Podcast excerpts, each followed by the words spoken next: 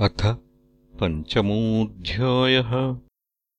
परमार्थोपदेशेन राज्ञः परीक्षितो।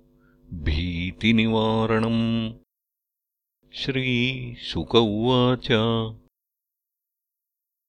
अत्रानुवर्ण्यते भीक्ष्णम्।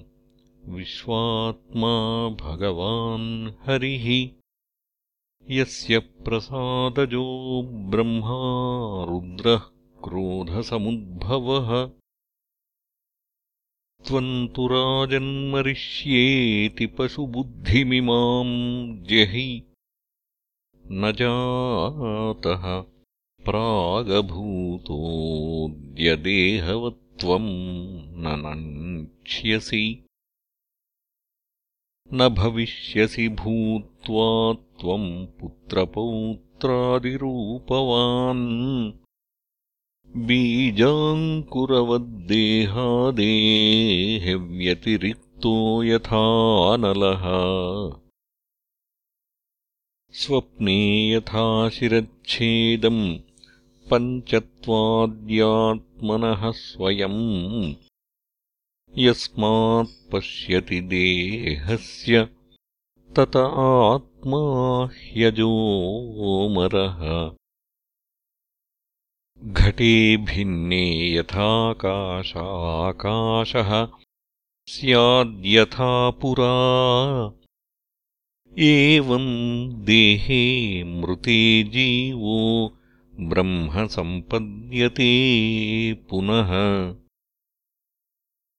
मनः सृजति वै देहान् गुणान् कर्माणि चात्मनः। तन्मनः सृजते माया ततो जीवस्य संसृतिः। स्नेहाधिष्ठानवर्त्यग्निसंयोगो यावदीयते ततो दीपस्य दीप त्वमेवम् देहकृतो भवः। रजः सत्त्वतमो वृत्त्या जायतेऽथ विनश्यति।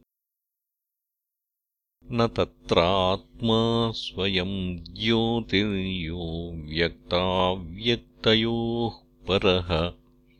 आकाश इव चाधारो ध्रुवोऽनन्तोपमस्ततः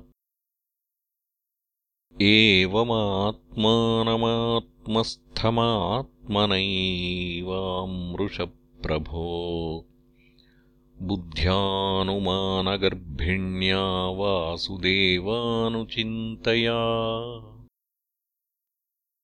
चोदितो विप्रवाक्येन न त्वाम् धक्ष्यति तक्षकः।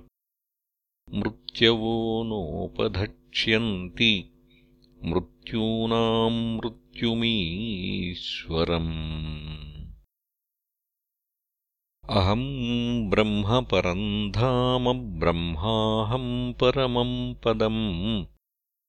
एवम् समीक्षन्नात्मानमात्मन्याधाय निष्कले।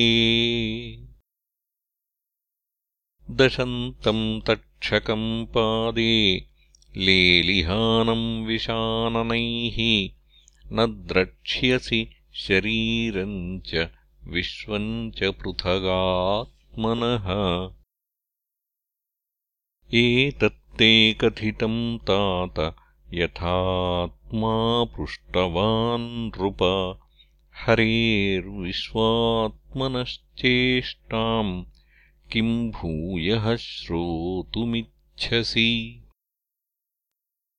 इति श्रीमद्भागवते महापुराणे पारमहंस्याम् संहितायाम् द्वादशस्कन्धे पञ्चमोऽध्यायः